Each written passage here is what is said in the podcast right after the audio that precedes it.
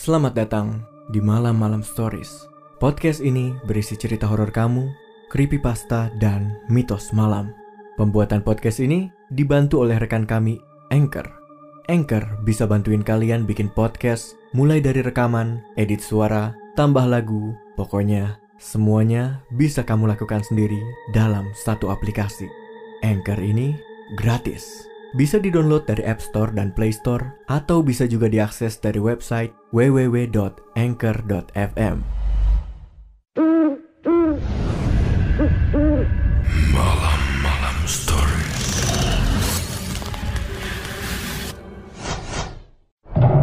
Hai manusia malam, di Misteri Malam episode sebelumnya kita sudah membahas asal-usul aliran musik black metal dan akhir kehidupan dari vokalis band black metal Mayhem.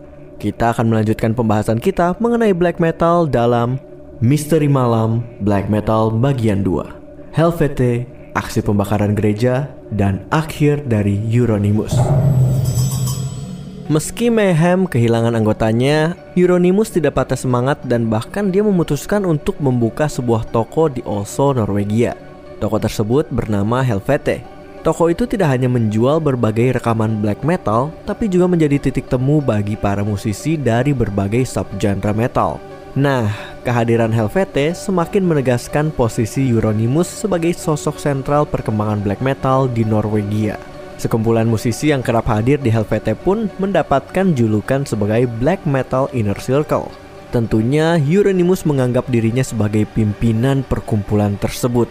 Nah, kemunculan Helvete membuat kasus pembakaran gereja di Norwegia semakin marak.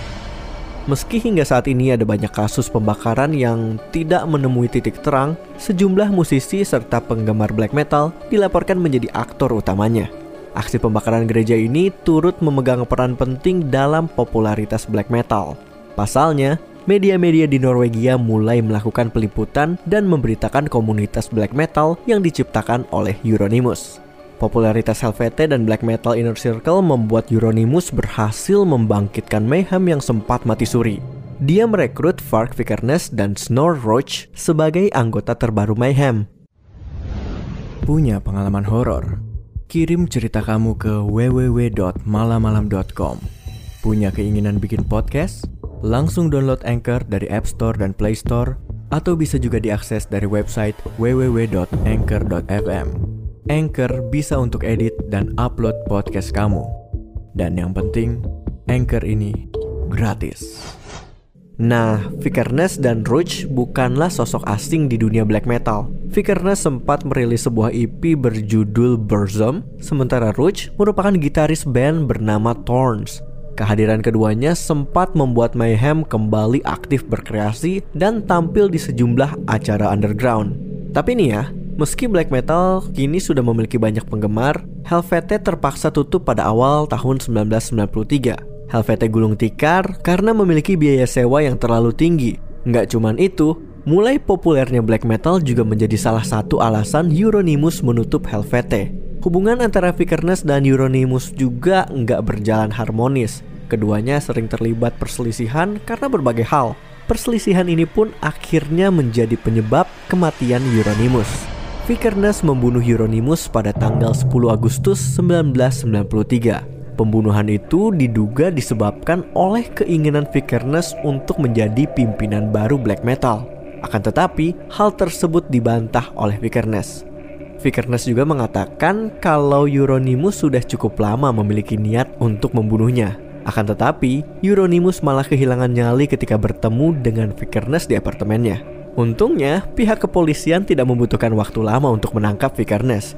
Dia ditangkap dalam 9 hari setelah melakukan aksi kejinya. Vikernes pun dijatuhi hukuman penjara selama 21 tahun karena telah membunuh Euronymous dan terlibat dalam aksi pembakaran gereja.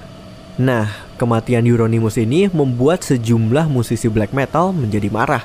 Banyak pihak yang mengatakan kalau Vikernes adalah pengkhianat karena dia sudah membunuh Euronymous. Akan tetapi, nggak sedikit juga pihak yang ogah untuk memikirkan atau memusingkan pembunuhan Euronymous.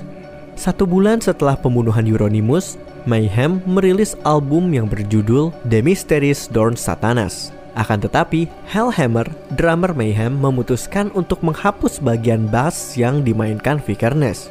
Dia melakukannya atas permintaan keluarga besar Euronymous.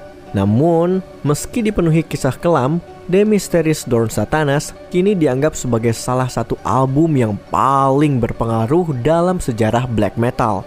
Dan pada tahun 2017, majalah musik kenamaan Rolling Stones menempatkan album tersebut di urutan ke-40 dalam daftar 100 album metal terbaik.